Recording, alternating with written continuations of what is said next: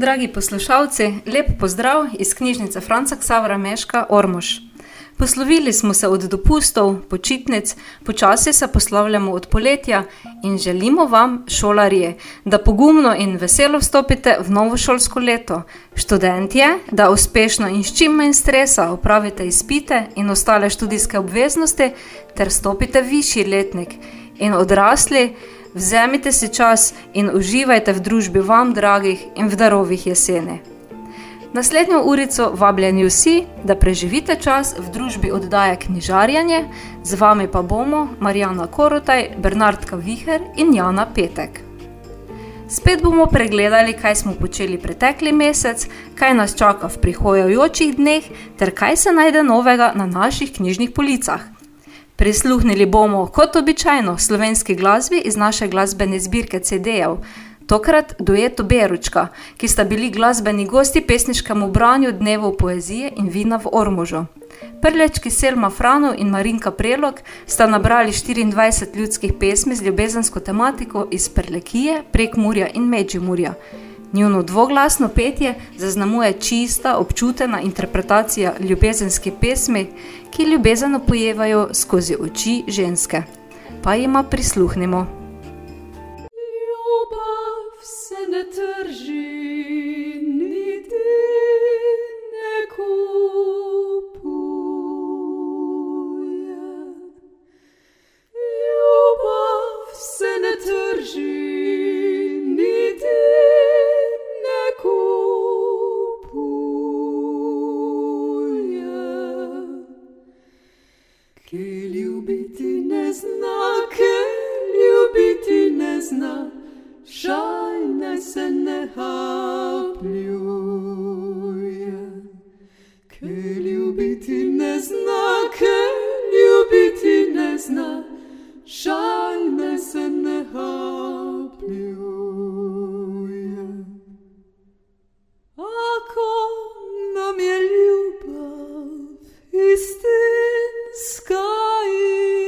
Pra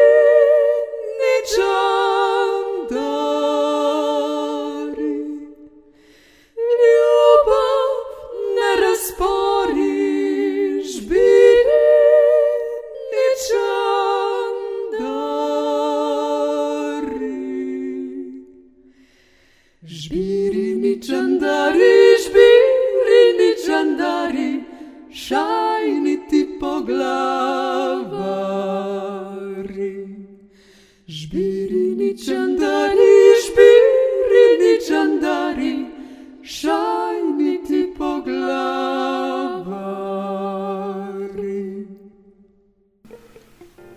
Dobrodošli v oddaji Knjižarjanje, ki jo z radijem Prlek pripravljamo knjižnica Ormož. Na začetku oddaje obvestilo, s 1. septembrom smo spet prešli na redni letni delovni čas, kar pomeni, da smo v Ormožu ponovno odprti do 17. ure vsak dan, v četrtek celo vse do 19. v soboto pa od 8. do 13. ure. Krajevne knjižnice pa so ponovno odprte po tri dni v tednu. V središču obdravi ob ponedeljkih, sredah in četrtkih od 14. do 19. ure, pri svetem Tomažu ob ponedeljkih in sredah od 13. do 18. ure in ob petkih od 8. do 13. ure.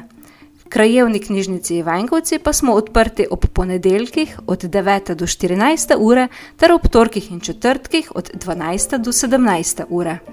Ja, saj vem, se sprašujete, kdaj? Vse informacije vedno najdete na naši spletni strani. Naslednje obvestilo velja za vse, ki sodelujete v bralni ali filmski znački za odrasle. Do 15. septembra je še čas, da oddate izpolnjene bralne mapice in z nami podelite svoje ocene, občutke in misli o prebranem ter citate iz knjig, ki so vas navdušile.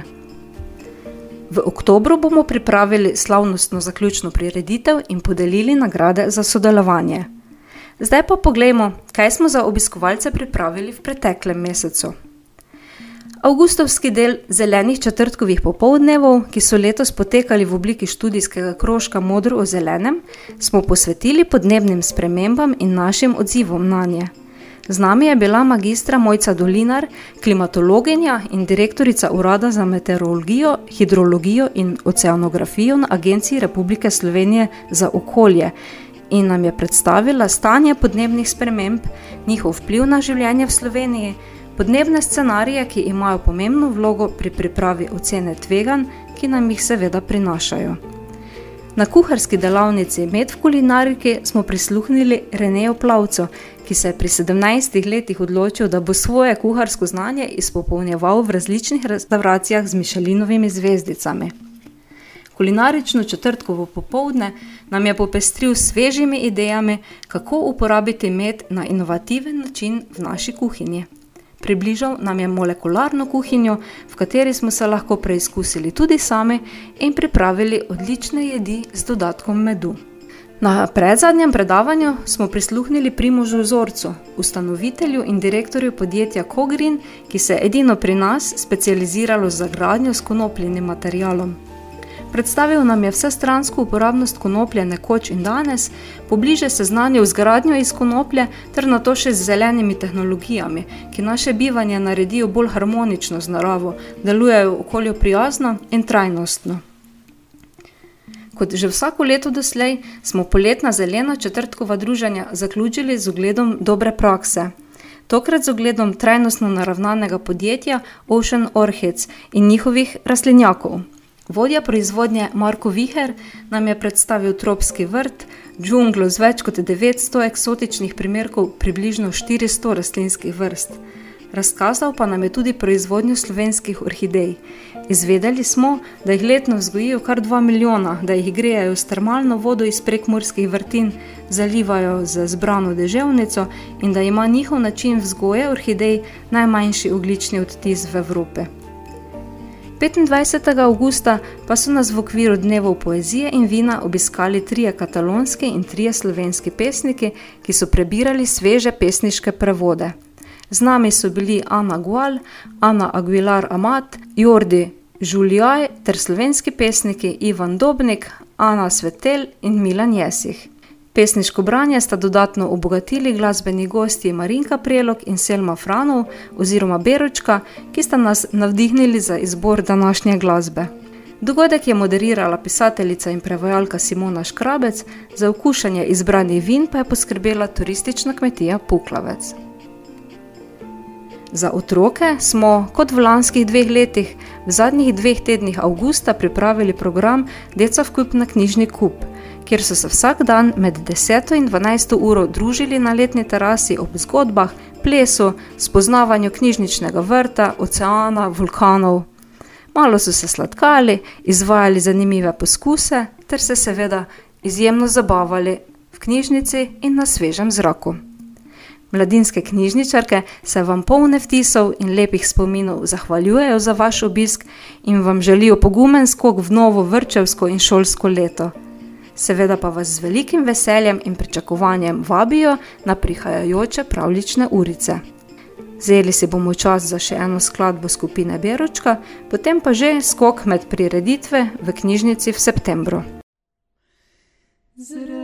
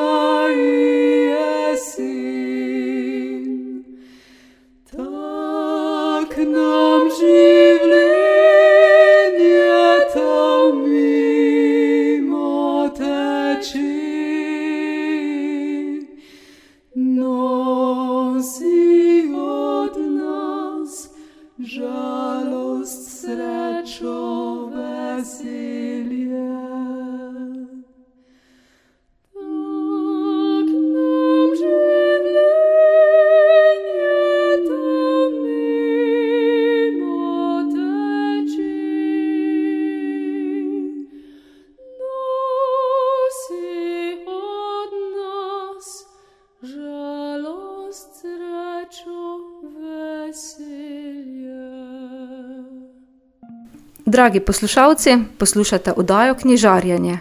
Kot smo napovedali, boste izvedeli, kaj se je že zgodilo in kaj še boste lahko doživeli v knjižnici Ormož v mesecu septembru.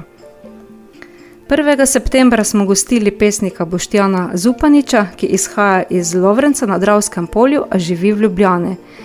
Leta 2021 je pri založbi Hiša imen izdal tretjo pesniško zbirko Morje, ki jo je tudi predstavil na literarnem večeru.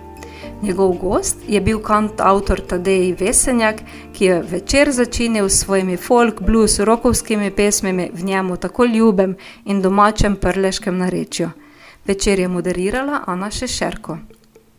V petek pa so se na letni terasi pomerile ekipe na kvizu številka 4 v knjižnici. Odgovarjale so na 40 zabavnih in zanimivih vprašanj, ki jih je pripravil Timon Grabovac.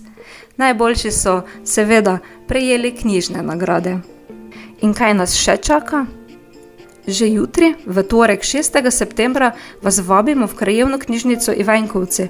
V okviru praznovanja praznika krajevne skupnosti Ivankovci bomo predstavili knjigo Zlatka Novaka Kociprovi iz stanovna. Ta je po pogovorih z Matijem Kociprom zapisal zgodovino Kociprove rodbine od sredine 19. stoletja pa vse do današnjih dni. Spominom je dodal še vančeve zgodbe, ki jih je zapisala Matijeva hči Alenka Kociper, v knjigi pa sledi še zapis o zgodovini posameznih družin v vasi stanovno in drugih posebnosti vasi. Vabljeni torej že jutri ob 18. uri v jedilnico osnovne šole Ivankovce. V četrtek, 8. septembra ob 19. uri pa bosta gosta literarnega večera v knjižnici Ormož zakonca Mikša. Upokojeni diplomat Franz Mikša bo predstavil pravlični roman Čarovnica Martilda, v katerem obuja spomine na zgodbe iz časa otroštva, ki ga je preživel tukaj v Ormožu. Njegova žena, novinarka Amalija Jelen Mikša, pa bo predstavila svoj roman Skrivnosti z otočic, v katerem nas popelje v čas grofa Albina Margerija, velikega osvajalca ženskih src, ki je od leta 1862 do druge svetovne vojne na otočcu vznemirjal z ljubezenskimi razmerji in škandali. Knjižnica Franca Ksaura Meška Ormož, rokometni klub Jeruzalem Ormož in krajevna skupnost Ormož vas ob praznovanju praznika krajevne skupnosti Ormož vabimo na športno domoznanski dogodek Začetki rokometa v Ormožu, ki bo potekal v torek 13. septembra ob 19. uri v športni dvorani Hardek. Bogato zgodovino rokometa na Ormoškem, ki so jo gradili številni uspehi, a tudi paci, velika domača rivalstva, izjemni posamezniki in ekipe, predvsem pa zvesti navijači, bomo spoznavali skupaj z gosti, s katerimi se bo pogovarjal Uroš Krsteč. V drugi polovici septembra, v četrtek 22. bo Bojan Rajh s svojo glasbeno skupino Getonka poskrbel, da bo v knjižnici Ormož zavladalo etno glasbeno vzdušje. Nastopajo v zasedbi Pašalina Pop Gligorova vokal, Maruša Jenič violina, Boštjan Benčič bas, kontrabas in kitara in naš domačin Bojan Rajh, kitara in tamborica. Torej, v četrtek 22. septembra ob 19. uri se bodo predstavili s paleto zvrsti, kjer najdemo tako sevdah kot rembetiko, cigansko glasbo in starogradske pesme, aranžmaji njihovi pa stremijo k verodostojni interpretaciji izvirnih glasbenih oblik. Kaj pa pripravljamo za otroke? Že ta teden, v četrtek 8. septembra, se ponovno pričnejo pravlične ure v knjižnici Ormož. Potekale bodo ob četrtkih ob 17. uri. V krajevnih knjižnicah pa bodo vpisani svet pravljic in vedno zabavnih poustvarjalnih dejavnostih, ki jih pripravljajo naše knjižničarke, vstopili z mesecem oktobrom. Tako, dogodke smo izčrpali, privoščimo si glasbeni premor, potem pa mikrofon predajam sodelavki Bernardki Viher, ki bo predstavila, kaj je novega in zanimivega na knjižnih policah za otroke in mlade. Pšenička po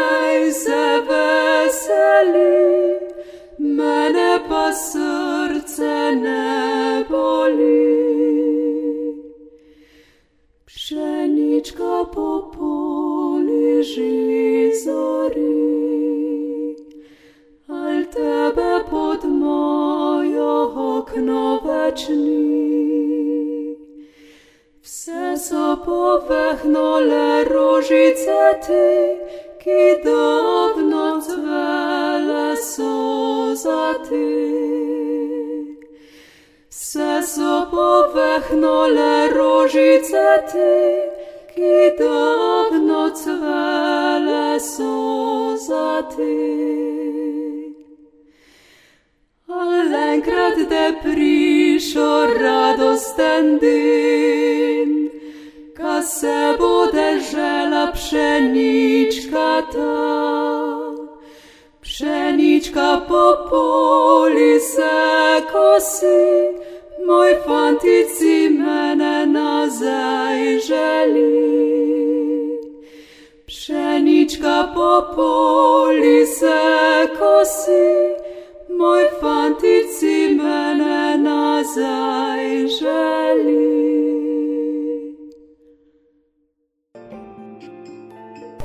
V radijski oddaji Knjižarjenje dobrodošli tudi vsi vrtičkari in šolarji, ki ste s 1. septembrom pogumno stopili v novo vrčevsko in šolsko leto.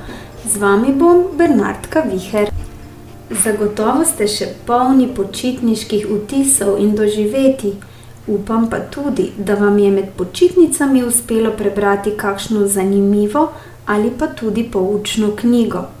Na naših knjižnih policah je še kar nekaj novosti s poletno in počitniško vsebino, in škoda bi bilo, da vam jih ne bi predstavili. Ena takih je izšla v zbirki čudaških prigodb pri založbi Sodobnost International z naslovom Poletje z utrinki. Gre za toplo pripoved o mali zajčici, ki preživlja zadnje poletje pred vstopom v šolo in je še posebej vabljiva za bralce začetnike. Poglavja so ravno pravšnje dolžine, ilustracije neusiljivo nazorne, da branje postane obvladljivo. Svetka Belc je pisateljica z izjemnim občutkom za najmlajše, razume otroške stiske in strahove. Ne le, da je njeno pripovedovanje duhovito, vzbuja tudi radovednost, pogum in radoživost. Kraj dogajanja je Pelegrinov vrt. V poletju z utrinki pa nastopajo vse otrokom dobro znane živali: kozel, grlica, komarka, pa mala podgana, nogometne tekme pa igrajo s prebivalci bližnjega gozda. Dogajanje posebej popestrita duhica Črnula in čarovnička Julčka. Vsako poglavje te pripovedi se začenja s kratkim, simpatičnim napotkom za pisanje. Prva in zadnja poved pa se začenjata z istim veznikom. Pisateljica tako mimo grede podeli še nekaj krasnih nasvetov za pisanje. Vsi ljubitelji Dejva Pilkeja, ki vas je tudi v Ormoški knjižnici zares veliko, dobrodošli v stripovskem klubu Mačjega Mulca. V klubu se predstavlja 21 razburljivih, smešnih in nadarjenih žab v umetnosti ustvarjanja stripov. In kako rišeš stripe, ob katerih pokaš od smeha? Po eni strani gre za zgodbo o odločenosti mačjega mulca, da mlade žabe nauči risati stripe. Otroci se bodo zabavali ob prikupnih in smešnih stripih. V njih med drugim nastopajo sendviči, ki se spreminjajo v pošasti, zobne ščetke in seveda vedno prisotni kakci. Serija Stripovski klub Mačjega Mulca vsebuje tudi pomembna sporočila otrokom. Treba je biti pristen, si prizadevati po svojih najboljših močeh in priznati svoje napake. Nič hudega ni, če ti kdaj ne uspe. Prav je razmišljati tudi o neprijetnih stvarih. Na straneh teh stripov je celo več prijaznosti in poudarka na sodelovanju kot v drugih Pilkejevih serijah. Oče mega uspešnic kapitana Gatnika in pasjega moža vas tudi z mačjim mulcem zagotovo ne bo razočaral. Doza smeha je zagotovljena. Tisti, ki ste odraščali v 90-ih letih, se gotovo spominjate kultne serije Pet prijateljev, pisateljice Enid Blyton, po svetu prodane v več kot 100 milijonih izvodov. Dobra novica za vse nostalgike in starše, ki si želite, da bi tudi vaši otroci uživali ob dogodivščinah slavne peterice: Georgia, Juliana, Dika, En in psa Timija. Prvih deset knjig je spet na voljo v sodobnejši preobleki in z osveženim prevodom. Dogodivščine in prijateljstvo nimajo roka trajanja, jezik pa se je v zadnjih 30 letih vseeno precej spremenil. Zato so pri mladinski knjigi poskrbeli za osvežitev prevoda, pri čemer so nekatere kultne reči ostale nespremenjene, da bo zadoščeno tudi pravim nostalgikom. Tako Peterica še vedno rada malica sendviče z gnjatjo in pije ingverjevo pivo. Tudi podoba naslovnic je privlačnejša in sodobnejša, saj jih krasijo ilustracije Laure Ellen Anderson. Priljubljene otroške knjižne serije se niso začele z Rowlingovo in njenim Harryjem Potterjem, temveč z Enid Blyton, ki je ena najbolj priljubljenih otroških avtoric vseh časov. V svetu je bilo prodanih več kot 500 milijonov njenih knjig, prevedene pa so v več tujih jezikov kot dela katerekoli druge otroške avtorice ali avtorja. Nad vse rada je pisala za otroke. Napisala je več kot 600 knjig in na stotine kratkih zgodb. Najbolj priljubljena je seveda serija Pet prijateljev, zelo znani in prevedeni v slovenščino, pa sta tudi zbirki Skrivnih sedem in Nagajivka Nika, ter zgodbice o Nodiju, ki ga otroci poznajo, zlasti po risanki.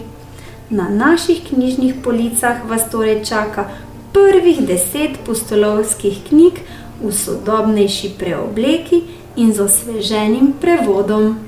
V septembru se dnevi še kar naprej krajšajo in večerji strmo daljšajo. Kako strašna je v resnici tema, je naslov čarobne slikanice s stotinami luknjic in okenc, ki ustvarjajo sence, dvojne poglede in upoglede v drugačno realnost videnega, pa tudi lučice svetlobe v temi.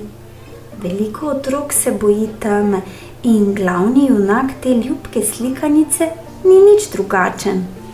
Ko sonce začne zahajati in se sence ustrajno večajo, se veča tudi njegov strah. Kaj preživ temi in ali je tema res tako strašna? V tej slikanici s čudovitimi celostranskimi ilustracijami in stotinami izrezljanih luknjic spremljamo sicer neustrašnega fanta, ki pa se zelo boji teme na njegovi poti do odkritja, da ni vse, kar se skriva v temi, grozno. Včasih zna biti celo čarobno. Navdihujoča zgodba o fantku, ki se sooči s temo, otroke ne le pomirja, ampak jih tudi spodbuja, da spregovorijo o svojih čustvih in skrbeh, ter nudi odlično izhodišče za pogovor o strahovih in premagovanju leteh. Izrezljane luknjice nudijo obilico zabave med branjem, hkrati pa tudi priložnost za poigravanje s sencami, saj jih lahko z lučko, ki jo ima danes že skoraj vsakdo, tudi na telefonu, pripravimo, da zaplešejo na steni. Ker pa vseeno že diši po jeseni in vseh njenih bogatih darovih, je za naše najmlajše pri založbi Mladinska knjiga v veliki slikanici z izvrstnimi novimi ilustracijami in odličnim prevodom išla zgodba Repa velikanka. Priljubljena zgodba o sodelovanju in tem, da lahko prav vsak, če tudi je majhen kot miška, prispeva svoj košček pomoči. Temelji na ruski pravljici o repi, ki nam je vsem prav dobro znana. Prvotno verzijo, ki jo je zapisal Aleksej Tolstoj, smo sedaj dobili v novem prevodu Jane Unuk in z doživetimi pisanimi ilustracijami Maše Kozjek. Babica in dedek na vrtu zasadita repo. Ena zraste res velikanska, zato je dedek ne more izpuliti sam. Na pomoč pokliče babico, pa kravo rjavko, dva okrogla prašička, tri črne muce, štiri grahaste putke pet belih gosk in tako naprej. Ali lahko beremo slikanico, ki spleta zgodbo brez besed? Seveda. Priznana in uveljavljena slovenska ilustratorka Marta Bartol nas je tokrat obdarila z novo dogodivščino v brezbesedni slikanici z naslovom Dogodivščina v žepu. Povedne in simpatične ilustracije prikazujejo radovednega miška, ki se naveliča spoznavanja sveta zgolj skozi knjige. Odloči se pokukati iz svojega brloga in svet raziskati sam. Vendar pa dogodivščine niso vedno samo razburljive, temveč so lahko tudi nevarne. Mišek spozna tudi to neprijetno plat pohajkovanja po svetu, a se mu uspe srečno vrniti domov, kjer svoja doživetja veselo deli z drugimi. Ga bo naslednja pot odnesla še dlje? Slikanica je odlična za prva srečanja s knjigo, poleg tega pa vzbuja kreativnost, ko otrokom dovoljuje, da zgodbo pripovedujejo sami kot nalašč za začetek šolskega leta. V tem novem poglavju, ki ga s septembrom prav vsi začenjamo, si tudi v knjižnici želimo, da si, dragi otroci, v svoj novi urnik zabeležite in označite prav vse četrtke ob 17. uri, kajti že z 8. septembrom začenjamo naša skupna pravlična popotovanja s pravličnimi urami. V krajevnih knjižnicah pa že naslednji mesec, torej oktobra. Vabljeni v našo družbo in med naše knjižne police. Prepelica se v dateljci suče, škorjanček se v lufti vrti. Preljuba si ti prepelica, ki mlode nam fučka ti včiš. Stani micika zbudi, Frančeka dela se bili din. Stonula micika zbudila Frančeka, šli smo si nosi šit. Trikrat je zgrmilo, v šajbo je vudrlo, te pa smo šli domov. Juh, juh! Dragi poslušalci, slišali smo ljudsko pesem Prepelica v izvedbi Selme Franov in Marinke Prelog. Ponovno pozdravljeni v radijski oddaji Knjižarjenje. Z vami sem Jana Petek. Po vročem poletju smo prikorakali v prve septembrske dneve. Čeprav že diši po jeseni, še je vedno čas, da si privoščite kratek oddih v družbi dobrih knjig. Ljubitelji romantičnih postolovščin se podajte v Provanco v tretji del romana Hotel Lavanda, nazaj domov slovenske avtorice Sabine Štrubel. Nazaj domov je zaključek trilogije romana Hotel Lavanda. V prvem delu smo spoznali Valentino, ki je uživala v popolnem življenju s partnerjem v lepem stanovanju in službi, v kateri je uživala. Vendar se je življenje nenadoma obrnilo na glavo, ko je postala samska, izgubila službo in se vrnila nazaj k svoji mami. V vsej tej nesreči se spomni, da je pred dnevi na vrata potrkal francoski odvetnik, da je v Provanci podedovala hotel.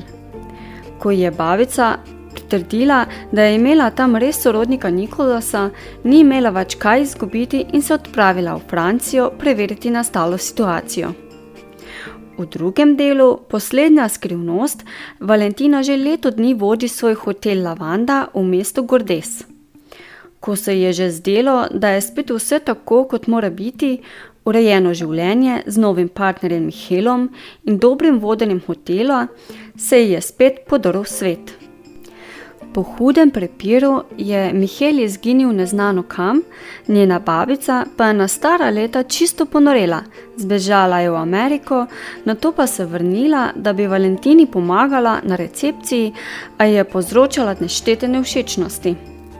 Valentina se v vsej tej zmešnjavi znajde spet v Sloveniji, kjer si ponovno ustvari novo življenje. V zadnjem delu, nazaj domov, Valentina že 17 let ne živi več v Gordesu, ampak uživa svoje sanje in potuje po vsem svetu. Njena hčerka pa ji ne vede obrne življenje na glavo. Najstnici namreč pot prekriža skrivnostna francozenja, ki jo privede do tega, da se mora Valentina ponovno soočiti s svojo preteklostjo.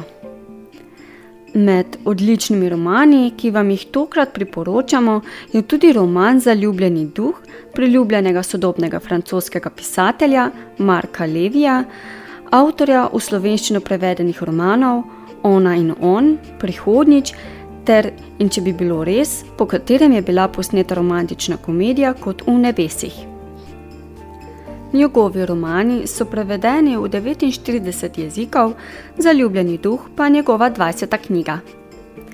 Zgodba se odvija okoli uspešnega pianista Tomasa, ki nastopa na svetovnih koncertnih odrih. V privatnem življenju pa nikakor ne najde sreče. Pred koncertom je vedno ves na trnih. Čeprav je minilo že pet let od smrti njegovega očeta, ga ta močno obremenjuje, saj svoje čustvene stiske ne more deliti z nikomer. Pred očmi se mu prikaže pokojni oče, ki ga vse pogosteje obiskuje, zato mu ne preostane nič drugega, kot da mu prisluhne. Očetov duh ga privede tako daleč, da mu sin ustreže in iz Pariza odpotuje v San Francisco, da bi izpolnil očetovo željo. Na poti v San Francisco se oče in sin v medsebojnem pogovoru poglobita v svoj pretekli odnos, bralca pa pri tem vodita v razmislek o nespregovorjenih besedah v odnosih z bližnjimi, ki jih več ni. Tisti, ki vas k branju bolj pritegnejo kriminalni romani, sezite po romanu danske pisateljice Anne Matt Hancock z naslovom Smrdljivka novinarka Heloise Kaldan po udarnem članku, ki ne vede vseboje napačne informacije in skorajšnji izgubi službe, začne dobivati pisma pogrešane Anne Kill, ki je nihče ni videl že tri leta. Ana naj bi z nožem na domu ubila sina nepremičninskega tajkuna, na to pa izginila. Ana ji v nenavadnem poetičnem slogu sporoča, da sta povezani in navaja podrobnosti iz Heloizinega življenja. Heloize se s pomočjo inšpektorja Erika Šeferja loti raziskovanja Anenega primera. Ne zaveda pa se, da je lahko s tem ogroženo tudi njeno življenje. Avtorica v romanu prikaže tudi politični in kazenski sistem Danske, sama zgodba pa je povezana z zločini, ki jih družba najostreje obsoja. Njen roman Smrljivka je na Danskem prejel nagrado za najboljši kriminalni prevenec. Leta 2020 je Anne Hancock postala danska pisateljica leta. Med biografskimi romani pa lahko sežete po romanu Namirni duh koroškega pisatelja Rudija Mlinarja, avtorja številnih romanov in biografij, ki so tematsko vezane na Mežiško dolino. V romanu predstavlja življenjsko pot Prežihovega voranca, ki ga avtor opisuje kot človeka, ki se je razdajal za boljše življenje socialno šibkih.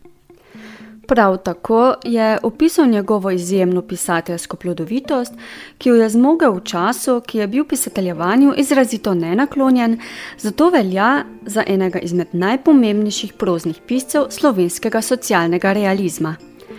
Avtorju je prav tako uspelo slikovito predstaviti Voranca kot predstavnika samoraslih korošcev posebno verodostojen in intimen pogled njegovega razmišljanja in odnosa z družinskimi člani dajo delu številna objavljena pisma.